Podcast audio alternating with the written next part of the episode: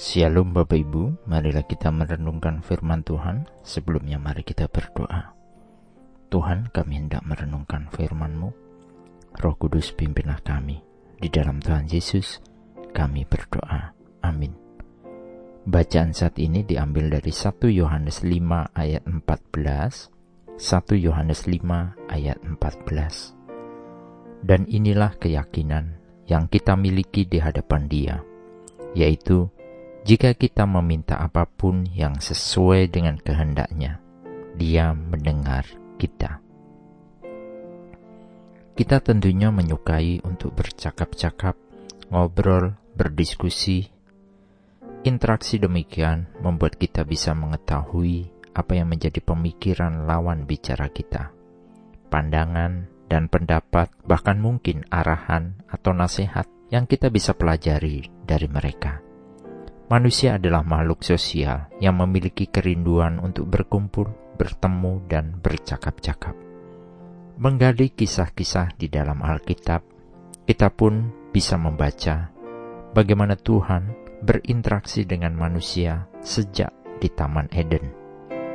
Percakapan Tuhan dengan manusia adalah bentuk persekutuan yang akrab, sampai dosa memisahkan, dan manusia diciptakan adalah untuk suatu persekutuan. Ketika kita membaca dalam bacaan saat ini, ini adalah gambaran bagaimana Tuhan mau mendengar kita. Tuhan mau menanggapi keluh kesah kita, bahkan permintaan kita yang sesuai dengan kehendaknya, Tuhan akan dengarkan. Bukankah Tuhan juga mengajarkan kepada kita bagaimana seharusnya kita berdoa? Seperti doa Bapa kami yang tertulis di dalam Lukas 11 ayat 2 sampai ayat 4. Tuhan mau kita membangun komunikasi terus-menerus dengannya.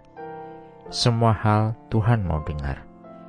Ketika keakraban kita dengan Tuhan semakin dekat, kita semakin dimampukan mendengar suara Tuhan berbicara kepada kita. Suara Tuhan jarang terdengar, tetapi Tuhan berbicara ke dalam hati seseorang yang sepenuhnya berkomitmen kepadanya. Tuhan berbicara melalui roh kudusnya ke dalam hati anak-anaknya untuk membimbing, melindungi, dan menyertai mereka. Tuhan Yesus berkata, Domba-dombaku mengenal suaraku. Yohanes 10 ayat 27 Tuhan menolong kita mengkomunikasikan keinginan hati kita yang sebenarnya kepadanya melalui doa-doa yang kita naikkan.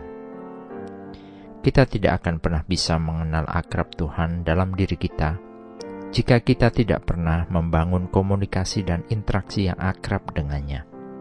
Jadi, mari kita terus datang kepadanya dan mengenali suara Sang Gembala hidup kita. Amin. Mari kita berdoa. Bapa Surgawi kami bersyukur karena Tuhan tidak membiarkan kami di dalam kesendirian. Tuhan tetap hadir dan mau mendengar seru dan keluh kesah kami. Ajari kami Tuhan untuk peka mengenal suara Tuhan dalam kehidupan kami, sehingga kami dijauhkan dari kealpaan diri. Di dalam Tuhan Yesus kami memohon dan berdoa. Amin. Tuhan Yesus memberkati. Shalom.